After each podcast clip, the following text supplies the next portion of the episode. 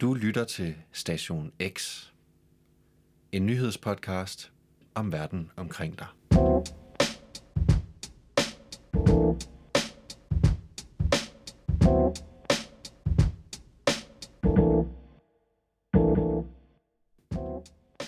Torsdag den 14. juni kl. 17.00 dansk tid spilles åbningskampen til den 21. VM-slutrunde i fodbold. Slutrunden afholdes for første gang i Rusland, og kampen står mellem værtsnationen og Saudi-Arabien. Kampen markerer starten på verdens næststørste tilbagevendende sportsbegivenhed, kun overgået af de olympiske lege. VM afholdes hvert fjerde år og formår hver gang at fascinere millioner, hvis ikke milliarder af mennesker. Mine første minder fra en slutrunde var VM 1998 i Frankrig, hvor jeg var 10 år gammel.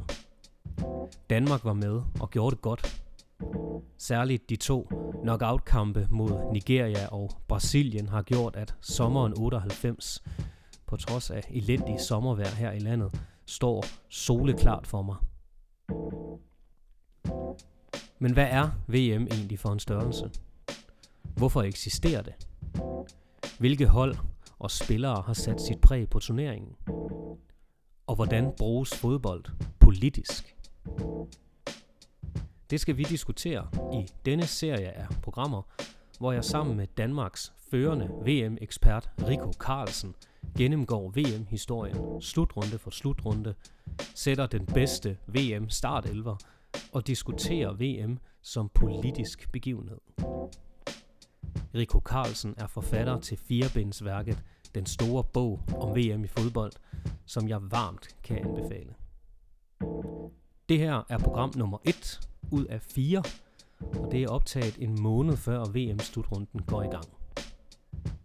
God fornøjelse.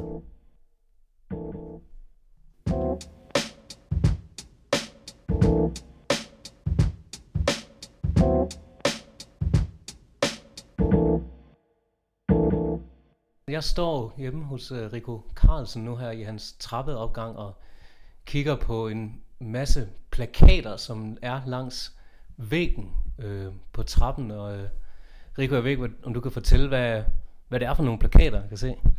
Jo, men det er her på vej op ad trappen, der hænger de forskellige plakater fra de forskellige VM-slutrunder, der har været tilbage fra 1930, og så efterhånden, så man kommer op ad trappen og bevæger sig opad, så øh, når man via 30'erne og 50'erne eller 60'erne og så videre op til sidst til, til 2018. Ja, der er faktisk øh, helt op til... Ja, er 2018 også deroppe? Ja, den er ikke helt kommet op endnu, men øh, det gør den inden for de allernærmeste dage, men den er ikke kommet op endnu, så, så det, der er helt øverst op, det er så de to VM-pokaler, der har, har været, og så ellers øh, Brasilien plakaten fra Brasilien 2014. Fordi det, man, der sådan også hænger på plakaterne oppe over, det er så billeder fra der, hvor finalerne er blevet afgjort fra 1930, og så hænger de op over plakaterne. Ja, jeg kan se, der er jo 2002 Ronaldo, som scorer på Oliver Kahn, og så er der Zidanes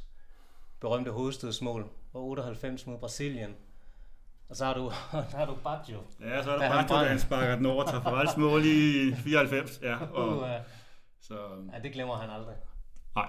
nej, og han havde gjort det så godt i den, specielt i knockout-runden, og havde lavet fem mål, men øh, så blev han alligevel den store sønder til sidst. Øhm, jeg tænker, hvis vi lige går ind i stuen her hurtigt, fordi der hænger simpelthen så meget VM-memorabilia her.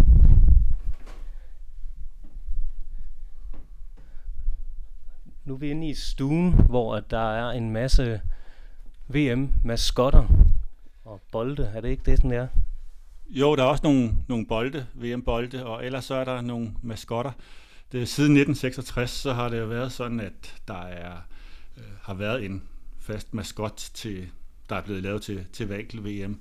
Og øh, jeg har ikke dem alle sammen endnu, men mm. øh, den, jeg har netop fået anskaffet mig den fra, fra 1974, som jo faktisk er, er to maskotter, og, øhm, og så ellers den fra 86, og så fra 1994 og, og frem. Man kan sige, at den fra 94 er en, ja, det er en hund, det er jeg faktisk lidt i tvivl om, hvad det er, øh, som har spiller fodbold. Ja. Er det en hund? Jo, det er en hund. Det er en hund. Striker. Ja. Striker, Ja. godt navn. Ja. Og så sidder der en lille, fra VM 86 i Mexico, er der sådan en, jeg ved ikke om det er en frø med sombrero og en fodbold. Øh, ja, jeg ved heller ikke om det er en frø, men det, den hedder i hvert fald Piqué. Piqué. øh, ja. så er der den kendte hane fra Frankrig 98, og så de to maskotter fra VM 74 i ja. Vesttyskland, som du lige omtalte, Ja. som du har lige har anskaffet dig, eller hvordan var det? Jo, ja. Som, øh, det er jo noget... det er jo lidt nørderi, det her, og øh, så det er... Så det med maskotterne, det er også blevet, blevet en del af det. Og ellers så hænger der jo øh, sådan en, øh, alle mulige forskellige øh, billeder og billetter, ligner det, fra forskellige VM-slutrunder også. Ja, det er, det er så billetterne fra de VM og EM slutrundkamp, hvor jeg så selv har været inde og, og se det. Øhm, de grønne af dem der, de er fra VM i 2006, hvor jeg var inde og se fem kampe, og så den her, den er fra Danmark-Frankrig i 2002, Ja. hvor Danmark jo slog de på det tidspunkt forsvarende verdensmestre ud af, af turneringen, og over i, i Korea, og øhm, ja, så dem nede under, det er så nogle øh, fra Europamesterskaberne. Og så kan jeg se, der er to billeder, hvor du holder VM-pokalen. Altså, er det, den, er, det, er, det, er det den originale VM-pokal, det der? Det er den fuldstændig ægte, originale VM-pokal. Nå. Den der. Øhm, det var nede i, øhm, i 2003, må det være, ja, hvor jeg var nede i øh, Zürich i Schweiz og lavede noget research til min bøger, den store bog om VM i fodbold. Og øhm, der var jeg så også derinde i, i FIFAs hovedkvarter, og så øhm, på et tidspunkt så, der var sådan en gammel italiener, og jeg kan ikke snakke italiensk, men, og han kunne ikke snakke nogen øh, hverken tysk eller engelsk, men øh, han viste mig sådan, øh, jeg kunne forstå på ham, at lige pludselig han kom, og jeg skulle gå med ham, og så dappede jeg ellers efter ham, og så kom vi ind i et rum derinde bagved, og så åbnede et pengeskab og så videre, og så Nå. der åbnede han en, en kasse, og ja, der kunne jeg jo så se, hvad der lå dernede i. Det var så den, den ægte pokal, de så Vildt. originale. Er den tung? Den, ja, og det er jo også, øhm, det nu har jeg aldrig hverken før eller siden prøvet at holde så meget guld på, på én gang. Den er jo til tre fjerdedel af den af, af, af ren guld, altså det er 18 karat.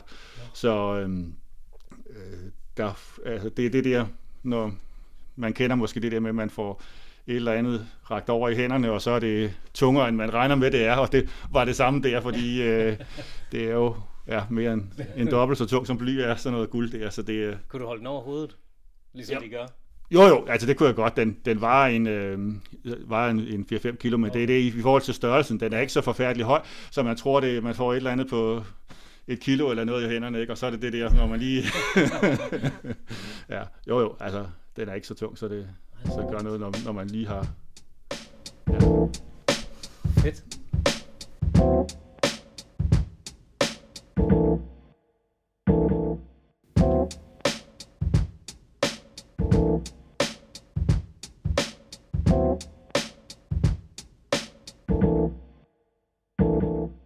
Og som sagt, velkommen her til øh, første af to programmer omkring VM i fodbold.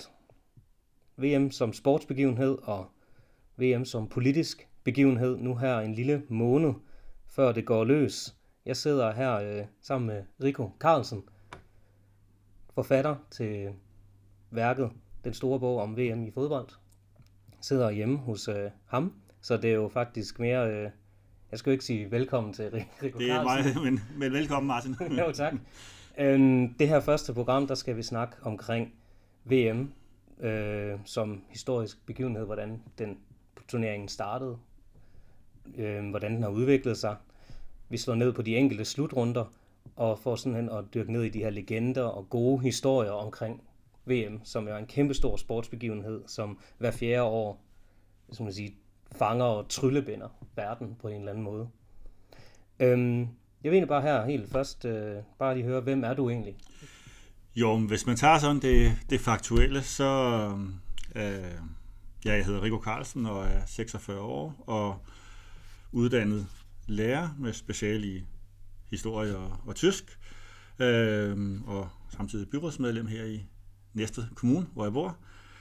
Øh, men hvis det er sådan som, som person, så øh, er jeg nok, altså for mig er nørd et positivt ord. Altså, jeg kan godt lide det der med at gå rigtig op i, i, i nogle forskellige ting. Det kan være så geografi, historie, sprog, brætspil, og så det helt store, alt overskyggende, det er jo så VM i, i fodbold. Øhm, altså jeg har lidt den holdning, at alting er interessant, hvis man bare sætter sig ind i det øh, og, og giver det lidt, lidt tid. Øhm, men det er så de her ting, som, som jeg så har valgt at, at dykke ned i og interessere mig. Så du arbejder også som folkeskolelærer nu, eller hvordan? Ja, jeg arbejder også som, som lærer øh, og underviser meget i, i humanistiske fag, altså historie og samfundsfag og tyske og sådan. Øhm, og nu er det jo så i, i kraft af din kæmpe store nørdede interesse for, for VM, at vi, vi sidder her i dag. Øhm, jeg øh, nævnte her i min øh, speak øh, op til programmet, her op til interviewet, at min første VM-oplevelse, øh, i og med at jeg er født i slutningen af 80'erne, er VM 98 i øh, Frankrig. Ja. Jeg kan kun huske brudstykker fra 94. Men 98 var den første slutrunde, hvor jeg ligesom vidste, hvad det var. Danmark var med, og vi klarede det jo rigtig godt, kom helt til kvartfinalen. Jeg har været de der, øh, jeg tror, jeg har været 11 år gammel på det tidspunkt. Øhm, kan du huske din første VM-oplevelser? Jamen, jeg har det jo på, på samme måde, men nu øh, må jeg også indrømme, at jeg er jo noget øh, ældre end dig, så det, det er bare så lige tidsforskudt et par årtier. Men øh, jeg har det jo lidt på samme måde, at jeg sådan kan huske brudstykker fra 1978, specielt finalen, og så øh, det, som så hvad 1998 er for dig, det er så 1982 for, for mig, hvor, som sådan er første gang, hvor jeg vidste hvad det, rigtigt, hvad det var, og, og fulgte med, og jeg var 10 år gammel på, på det tidspunkt. Øhm, så var i Spanien, ikke? Det var i Spanien, lige, lige præcis. Og øhm, ja, altså, jeg havde jo det der lige sådan snuset lidt til det der i, i 78, og, og specielt finalen, og så øhm, fra man er 6 år til man er 10 år gammel, der er 4 år, altså rigtig, rigtig lang tid. og øh, jeg havde jo så øh, et par bøger og noget om, øh, om den der VM-slutrunden i, i 78, og øh, så kunne jeg jo også læse lidt om det, at der, der stod, at når man, øh, Tyskland var forsvarende verdensmester ved turneringen, og så, ho, så måtte der jo have været et eller andet før 1978. Det var så øh, lige et trin tilbage. Og så, øh, sådan med min interesse, det er faktisk foregået på den måde, at det sådan fra udgangspunkt 1982-78, og så har det sådan spredt sig tilbage. Du faktisk allerede der i sådan en 10-årsalderen fået vagt interessen for, hvad der lå før? Ja, og, og jeg kunne godt, øh, øh, nu er det jo svært at sige præcis i den alder, men, men noget af min sådan generelle interesse for historie er, er blevet vagt af, af det med, med fodbolden, og, på samme måde som med min interesse for geografi. Det kommer også, altså VM i fodbold, der er, der er udgangspunktet. Ja. Kan du huske noget ved, ved VM 82? Øh, altså noget specifikt, hvad det var, øh, sådan der fangede dig? Eller, eller kan du huske nogle situationer, hvor du så det? Ja, altså, men øh, jeg vil jo næsten nævne den der finalen i 78 øh, øh, først, fordi det var, jeg kan huske, ja, som sagt, jeg var 6 år gammel, og vi var en søndag ude hos min, min farmor og farfar, øh, og øh, min, specielt min fars familie har aldrig været særlig fodboldinteresseret for at sige slet ikke, øh, men øh, den, den kørte jo på, på skærmen, øh, og øh, der kan jeg jo faktisk, noget af det jeg sådan kan, kan huske fra kampen, det var, at jeg ved med min farmor om, det var Argentina mod Holland, at øh, vi ved en øh, pakke øh, en flødebold om, hvad, hvis øh, jeg sagde Argentina vandt, og, og hun sagde Holland vandt, ja. øh, og så var det jo så mig, der, du fik der, flødeboller. Der flødeboller. øh, ja, og så siden for at vide, hvad ville jeg have gjort som seksårig, hvis jeg havde tabt det vedmål, hvordan jeg ville have fået skaffet den flødebolle, men øh, det, øh, nej, men, men nu vandt jeg jo, så ja. Ja. Det samme øh, ja, med mig, altså at kan jeg huske brudstykker fra 94. Det må så med, min 94 har været dit 78 Ja. på en eller anden måde. Jeg kan nemlig også huske, at vi så finalen hjemme hos mine bedsteforældre. Jeg kan ikke rigtig huske. Den og var, du var også hos dine bedsteforældre. Der... Ja, den varede jo nærmest tre timer, fordi den skulle ud i forlænget og straffespark og sådan nogle ting. ja lige I, præcis. ja. øh, øh, og så 98, ja. Altså det, var, hvor jeg vidste, at nu er det her, øh, det er en slutrunde, og jeg har ventet Ja. på, at den er der, og nu ved jeg ligesom, hvad det her det er for noget. Ja. Øh, så det er jo nok også det samme, øh, med, at, det er, at nu er den her endelig. Nu har jeg ligesom fundet, fundet ud af, hvad det her er for Og, noget. og det er sjovt det der, fordi det er nemlig, når man snakker med folk fra forskellige aldre, det, der er mange, der har, har haft det på lige den måde. Ikke? Altså både folk, der er yngre end vi to er, og, og, og så også ældre. Og ældre, ja, selvfølgelig. Øhm, hvis vi så lige skal snakke om, hvad er det sådan ved VM som øh, fænomen, øh, der fascinerer dig? Jamen, øh, det er det der. Altså for mig er det inden for sport øh, det ypperste. Det er den ypperste øh, altså fodbold. Hvis man ser på et verdenskort og, og hvad der er nationalsport rundt omkring, så er det næsten udelukkende fodbold. Så er der lige Nordamerika, der skiller sig lidt ud. Og, Med deres mærkelige sportsgrene, ja. Ja, alle deres underlige sportsgrene derovre. Men ellers så, øh, øh, det er jo klart den største sport i verden. Øh, og, øh, og så er det ligesom det, det ypperste, og det, der også fascinerer mig ved landsholdsfodbolden frem for, for klubfodbolden, det er det der med, at man kan ikke købe spillere, altså man er jo nødt til at, at bruge dem, der nu har kommer fra ens eget land, har den ens den nationalitet, og, øhm, og det, øhm, det synes jeg faktisk, og, og specielt efter som hånden, som det med årene jo er blevet mere og mere det der med de beløb, der er jo kommet op i, altså hvad Neymar bliver solgt til 205 millioner euro, det er jo ja. fuldstændig sindssygt, ikke? Øh, men altså, der, Så her er noget, som ja. ikke umiddelbart kan købes for penge. ja, og det, Ja. ja. det, det er lidt den, øh, den fascination også, også af det, ja.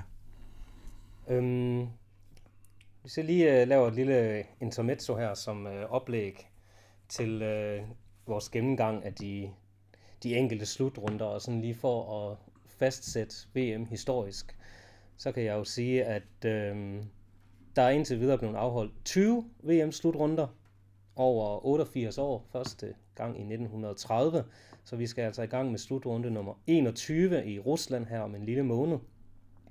Der har været otte forskellige vindere.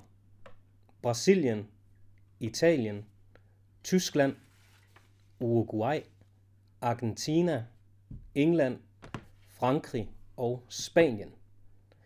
Og deltagerlisten er jo eksploderet nærmest fra 13 deltagere, så vidt jeg er informeret, i den første slutrunde i 1930, over 16, over 24, over 32, og så er det vist besluttet, at VM i 2026 skal have 48 deltagere. Hvis vi snakker, der har du, kan man i hvert fald se i hensyn til udbredelsen af deltagere og interessen, hvordan det er eksploderet. Hvis vi tager lidt økonomisk, kan jeg lige sige, at VM i 2014, den seneste afholdte slutrunde i Brasilien, genererede et overskud for FIFA. Vi skal ikke snakke om, hvad det har gjort for Brasilien, om de har fået overskud på det her.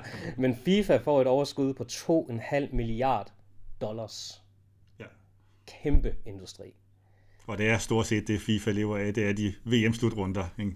for hver fjerde år. Øh, Er der sådan øh, en idémand, der ligger bag øh, VM, eller har det altid været der, hvad skal man sige? altså det, der rigtig fik det i gang, det var øh, den øh, FIFA-præsident på det tidspunkt, øh, Jules Rimet, der, øh, der ligesom var ham, der fik sat, sat gang i det der i, øh, i slutningen af 20'erne. Det var faktisk først i, i løbet af 1929, man sådan fik, fik vedtaget det her med, at nu ville man afholde det året efter, og så var der flere lande, der bød ind, men så Uruguay, de øh, tilbød så at betale transporten for alle øh, holdene, og de sagde også, hvis der bliver underskud, så skal vi nok betale, hvis der bliver overskud, så deler vi pengene, og så okay. så, det lyder- så lyder slog som- de andre ligesom til det her. øhm, Det lyder som en dyr fornøjelse. Ja, øh, men, øh, og de var så også, øh, var det så også 100 år for, for Uruguays selvstændighed, og øh, øh, så derfor var, var det også noget af, af sådan baggrunden for, at de, de så fik det. Og selvfølgelig også, hvis de havde vundet OL-turneringerne Nemlig, de, de- to foregående år, er det selvfølgelig måske ja, det bedste hold. Ja, de, de, de, det, det måtte man jo sige, de, de var.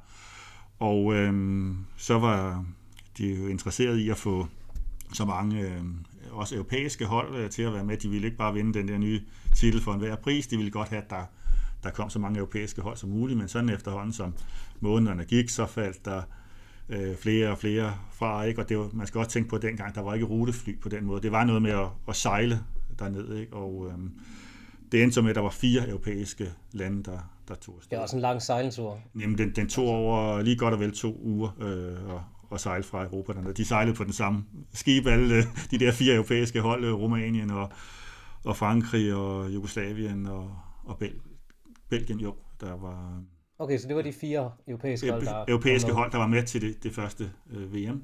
Og, øh, Rumænien. ja, Det, Rumænien. er det, det er det, der stusser over der. Frankrig, Jugoslavien, Belgien, okay. Ja. Og så Rumænien. Ja, men Det det var... at de uh, har fået komme med der. Ja, altså man sige, England var på det tidspunkt, de var helt ude af, af billedet. Altså deres, øh, deres indstilling til, til det, det var, at hvis der var nogen, der var i tvivl om, hvem der var de rigtige verdensmestre, så kunne de komme over til, til øen derovre og så øh, spille på deres mudderbaner derovre, og så kunne de så få nogle banker englænderne. Det var sådan englændernes indstilling, britternes indstilling. Ja, så England, altså fodboldens moderland. De første nedskrevne fodboldregler Ja. er fra England. De ser sig jo ligesom som dem, der har opfundet Ja. spillet historisk. Så de, de- er ikke med. Nej, de er ikke med, for de synes simpelthen, at det, det er der var jo ikke nogen tvivl om, hvem der var i den engelske tankegang, det er, hvem der var, var de bedste, ikke? så derfor så, så ville de slet ikke øh, være, være med. Øh, og de andre europæiske lande, der, der var det jo var det simpelthen noget med øh, efterhånden, da det der med rejsen derned, ikke også, og, øh, og også allerede dengang lidt det der med klubberne med at undvære spillerne, altså det drejede sig jo om, om måneder. Der var jo begyndt at komme, ikke bare i England, men der var også rundt omkring i øh, Østrig, øh, Ungarn, øh, Italien begyndt at komme professionel fodbold op gennem 20'erne. Øh, så så det, den, den der klub landsholdsdiskussioner og konflikt, den, den var der faktisk allerede. Den er dengang. ældgammel. Ja, ja, den er gammel, og det, øh, og det var jo også flere måneder, at vi kan bare se, når, når rejsen tog to uger hver vej, ikke? Ja. og så også turneringen, ikke? Øh, så har, har det været noget, så skulle undvære deres allerbedste spillere. Selvfølgelig. Ja. Øhm, første VM, jeg som sagt, vi snakker om nu her i Uruguay 1930. Fire europæiske hold. Det er jo selvfølgelig Danmark selvfølgelig. De var ikke nævnt blandt de Nej, fire.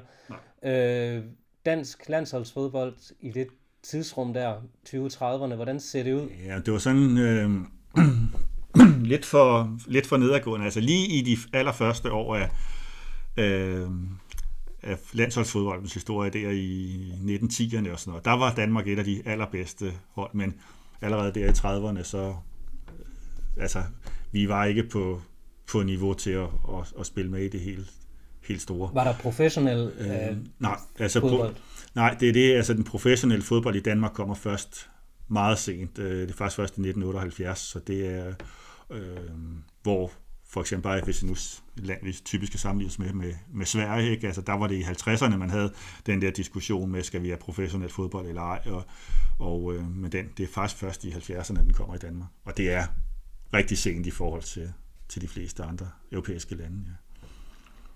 Nu øh, tænker jeg, at vi, øh, nu har vi lige så startet med Ja. ja. 1930, og så tænker jeg egentlig, at vi bare sådan vil gå ja. igennem de her øh, enkelte slutrunder, som kommer. Jeg skulle selvfølgelig sige, at der er jo naturligvis et øh, stort loop i 40'erne på grund af 2. verdenskrig. Ja. Der havde de ikke rigtig lige lyst til at spille fodbold, det var ikke muligt. Så øh, 38, og så kommer der i 50, Ja. ja. den næste slutrunde. Øhm, 1930, der øh, tænker jeg, der kan jeg lige øh, foregribe begivenheden. Der øh, vinder Uruguay Ja. som værtsnation. Øhm, og øh, hvis du egentlig bare sådan øh, snakker lidt om, omkring 30, 34 og Ja. 38 slutrunderne. Ja, altså det er i, i 19, 1930, som sagt. Det bliver så en, faktisk en gentagelse af finalerne fra OL i 24 og 28, det med uh, Uruguay mod Argentina, og, og det bliver så Uruguay, der, der også vinder den. Øh. Hvorimod så øh, VM i, i 34, det er så helt, øh, på en helt anden måde. Det er øh, også turneringssystemsmæssigt, men fra et gruppespil, som så går over i semifinaler og finale, så spiller man i 34 ren knockout-system. Men det er også med deltagere, deltagerne, fordi det bliver så holdt i Italien, og øh, dem, der sådan lidt historisk interesserede, vil vide, hvad styre, der var i Italien i 1934. Så det bliver en helt anden form for, øh, for, for slutrunde, øh, hvor man så spiller rent knockout-system. Øh, der er ingen tvivl om, nu er der jo ikke sådan mange fjernsynsoptagelser fra, fra den slutrunde. Det er virkelig en skam. Men, men der er ikke tvivl om, ja, for, øh, at ud fra alle de referater, og alle der fra dengang jeg siger det, både avisartikler og, og bøger og så videre, at uh, Italien blev favoriseret på en helt, af dommerne på en helt uh, exceptionel måde. Uh, Når der, det siger, uh, hvad det, skal man sige, folk, ja, der har skrevet ja, om det her? At uh, nu, uh, 8. delsfinalen vandt de så klart uh, 7-1 over USA, men allerede i kvartfinalen, hvor så uh, Spanien får annulleret to mål, der for offside, der, der som alle siger, der, der ikke var offside. Øhm, og i det hele taget, der meget hårdt spil fra begge sider. Dengang måtte man jo så ikke øh, skifte, skifte ud. Øh, det kommer først langt senere, det der med udskiftningerne. Men øh, da der så efter 120 minutter står øh, uafgjort, så skal de så øh, spille et par dage senere, og så øh, må de skifte øh, halvdelen af, af holdet ud begge to, fordi de simpelthen er blevet altså, både halv- og helskadede. De, og der, øh, der vinder Italien så den kvartfinale 1-0. Øh, det samme i semifinalen mod, øh, mod Østrig. Der er også nogle tvivlsomme kendelser, og, og også finalen mod Tjekoslovakiet, hvor der i hvert fald er en situation, hvor alene om, der burde den italiener nok have været vist ud, hvor, hvor han brækker benet på en, på en tjekoslovak, som, øh, hvor der så ikke bliver, altså, hvor der egentlig ikke sker noget, og så må Tjekoslovakkerne jo så spille 10, ah. 10 mand, ikke? Ja. Men den går alligevel i, i forlængelse, og Tjekoslovakkerne er faktisk lige ved at, at vinde den uh, kamp, de kommer foran. Ja, der mangler 20 minutter og har et skud på stolpen efter det også, men så får italienerne udlignet, og så vinder de så forlængelsen der. Ja. Så man kan måske sige, at uh, godt for de italienske spillere, at de måske ender med at vinde den turnering, Ja. Jeg tænker på, at de lever under et fascismestyre styret af Mussolini. Lige præcis, altså. og det samme, de, de genvender den øh, fire år senere, øh, hvor den så er, er i Frankrig, øh, turneringen. Og lige til, til det, du nævner der, der er faktisk, hvor de så vinder i finalen 4-2 over, over Ungarn.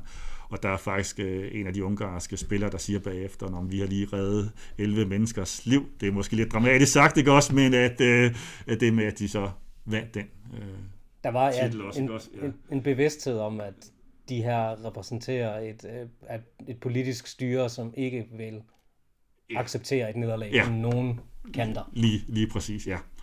Og, øhm, og det er i øh, en ting af situationen i 1934, men i 1938 var der jo var de virkelig vokset de spændinger i løbet af de fire år mellem demokratierne og, og diktaturerne i, i Europa. Så, øhm, så det var sådan en, politisk lavet slutrunde. Blandt andet så Østrig havde faktisk kvalificeret sig og havde et rigtig godt øh, hold på det tidspunkt, et Wunder-team, som det blev kaldt, øh, og bestemt nogen, der havde haft en rigtig god chance for at, at spille med. Måske ikke ligefrem favoritter, men øh, et øh, finalhold eller noget, men øh, da så i slutrunden, der er jo i juni 38, og øh, i, i marts måned, der er Østrig jo forsvundet fra, fra landkortet, fordi det er blevet indlemmet i, i Tyskland.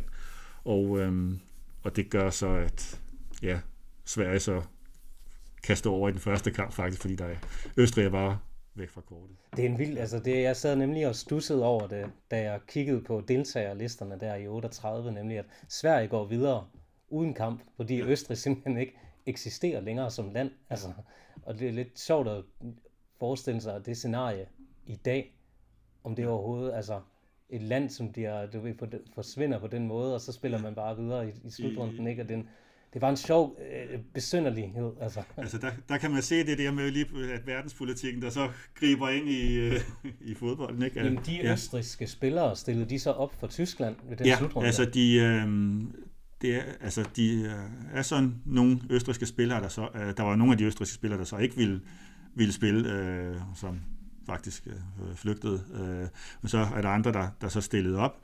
Øh, men det ender så med at blive et, øh, en total fiasko for det der store tyske hold. De ryger ud allerede i 8. delsfinalen til, til Schweiz.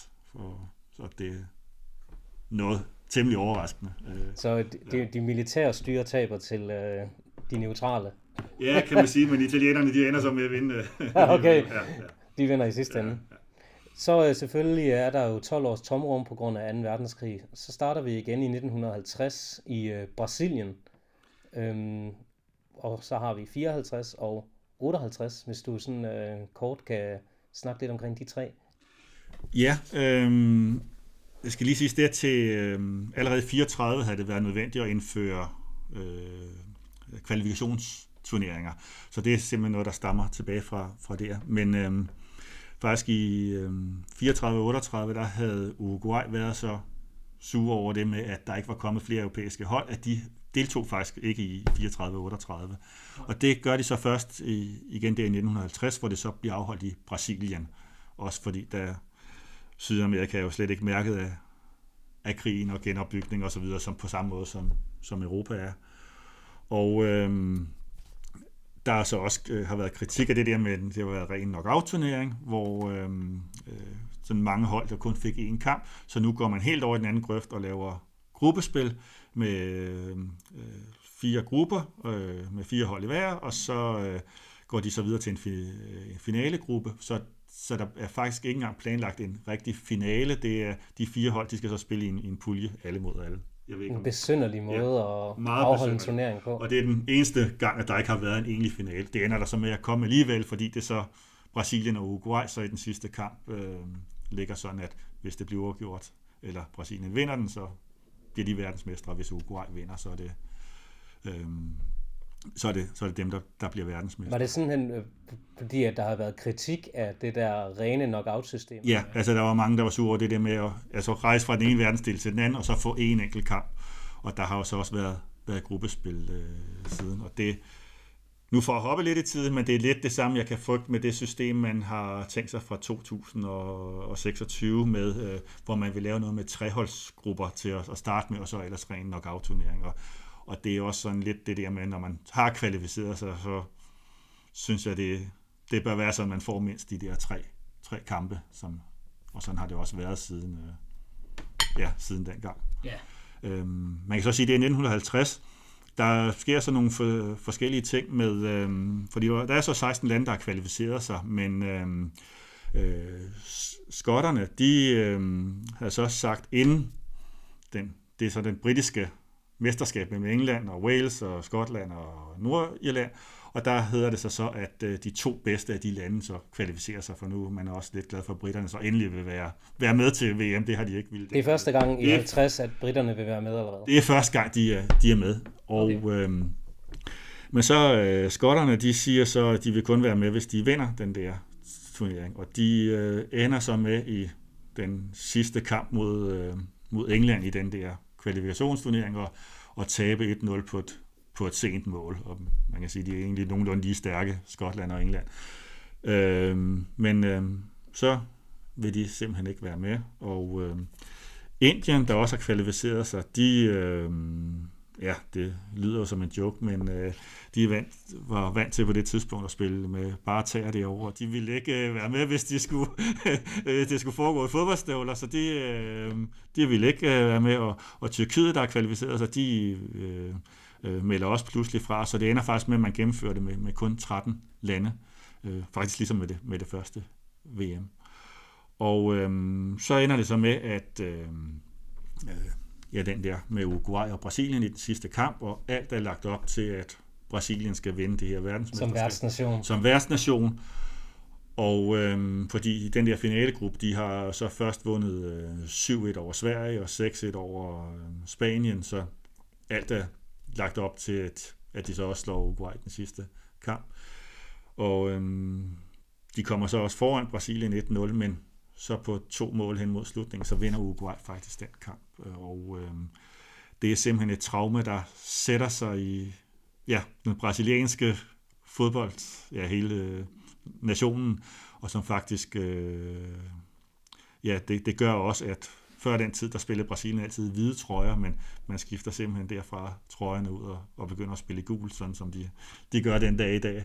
Øhm, og ja, det er man havde ikke troet, at det nogensinde kunne, øh, kunne overgås, men, men da de så tabte 7-1 til, til Tyskland her for, for øh, i, i 2014, så det, det eneste gode, man kan sige, det er så, at de spiller fra den gang i 1950, de så endelig, der var nogen, der, hvor det var endnu værre. Ja, det er nærmest historien, der ja, gentager sig ja.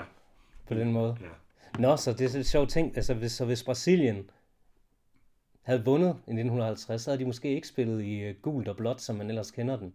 Nej, så, havde, så havde de fortsat. Det var de traditionelle trøjer indtil 1950. Det var, var hvide trøjer. Og så, ja. Spændende. Ja.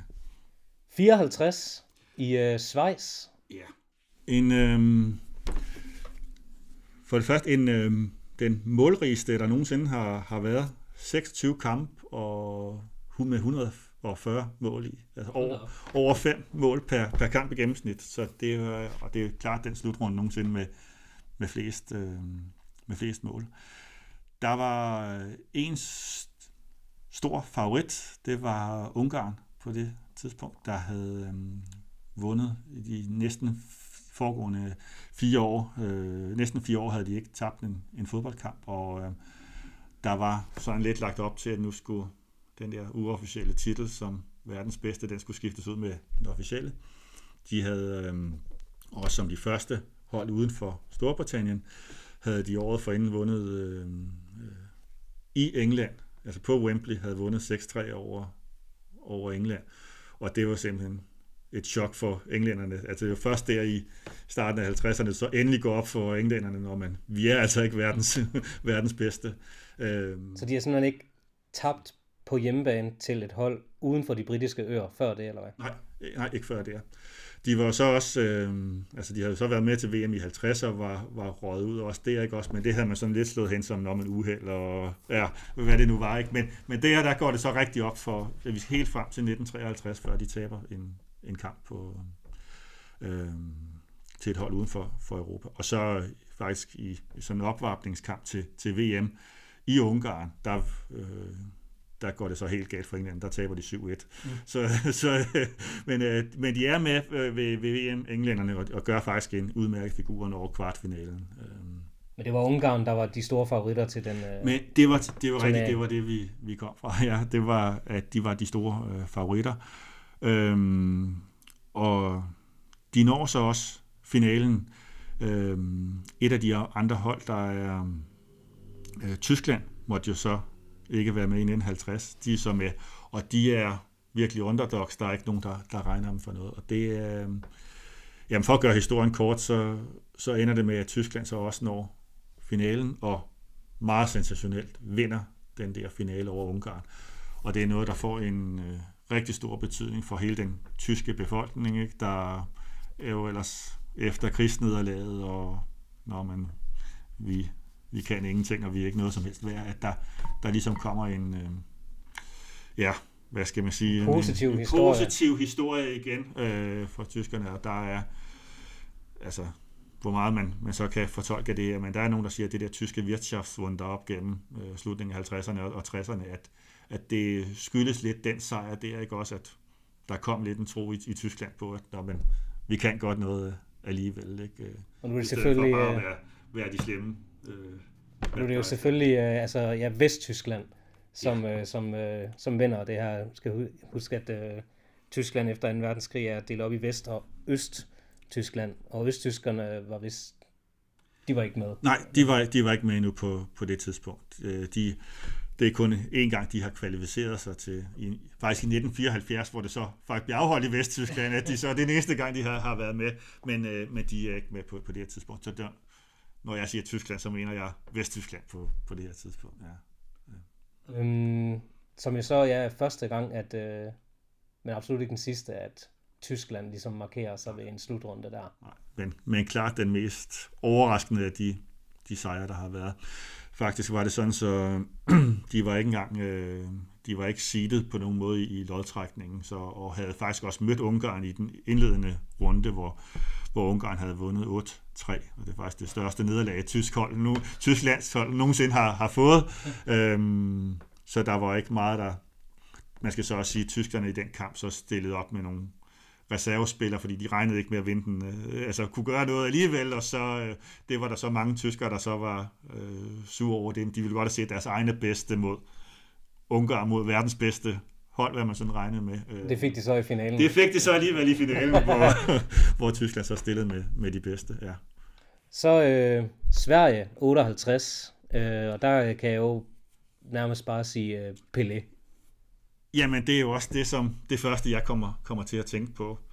Øhm, der, sker, der er også øh, det her med de her slutrunder, 54 først, og også, og, og især 58, at øh, hvor det tidligere kun, øh, VM er blevet sendt i radioen kun, så øh, er det de første slutrunder, der bliver sendt i fjernsynet. Altså slet ikke med den totale mediedækning, som der er nu om dagen, men, men trods alt det med, at der er nogle, nogle mennesker, der har fået fjernsyn på det her tidspunkt, og øh, øh, VM 54 bliver så ikke vist i dansk fjernsyn, men der bliver vist et par enkelte kampe i dansk fjernsyn fra, fra 58.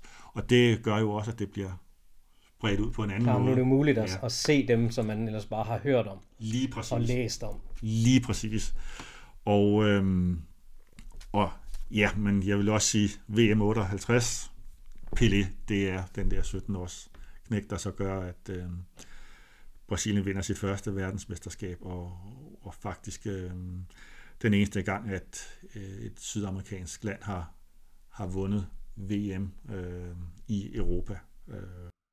Øhm, og hvis vi bevæger os ind i øh, 60'erne her, så har vi 62 i øh, Chile og 66 i England.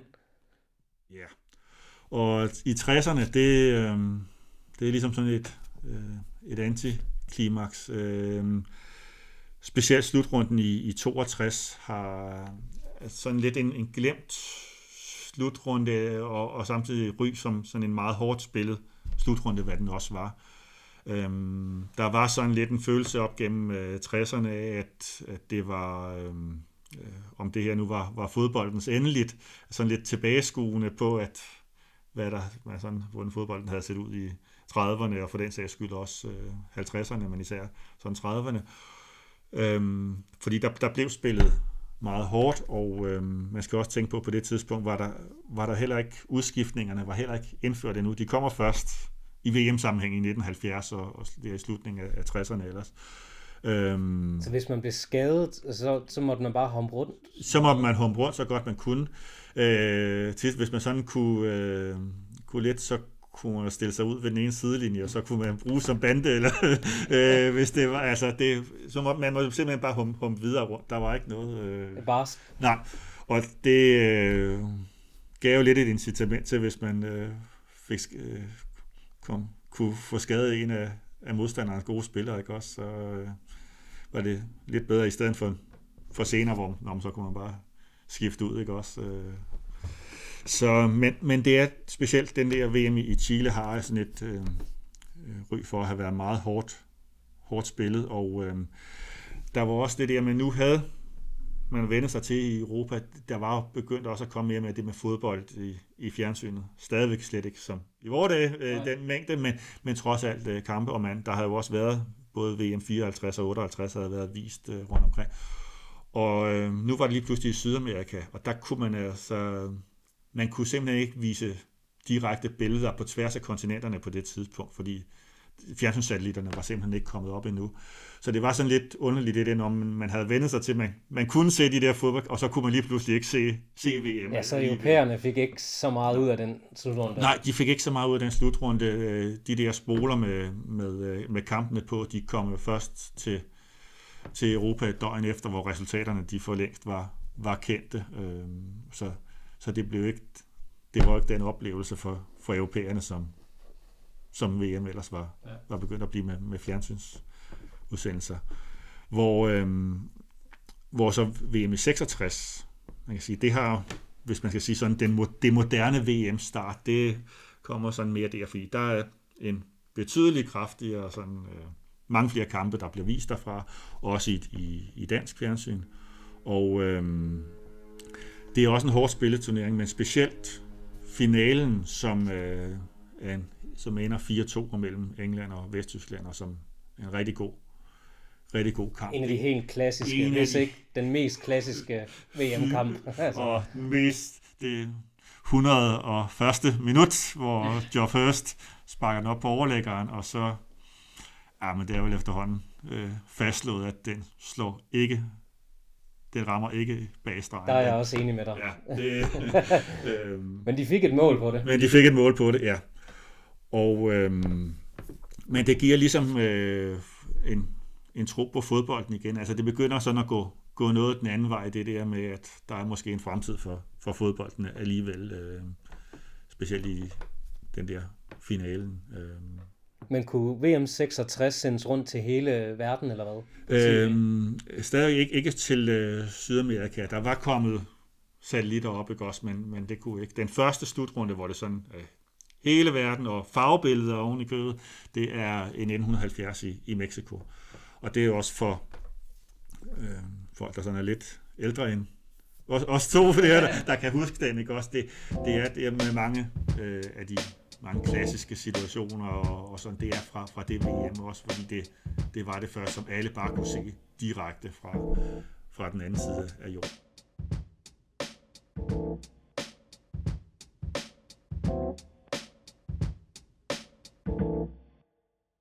Det var det første program ud af fire omhandlende VM i fodbolds historie. Vi øh, slipper her ved 1966, og det næste program omhandler så fra 1970 og frem til det senest afholdte i 2014. Hej hej.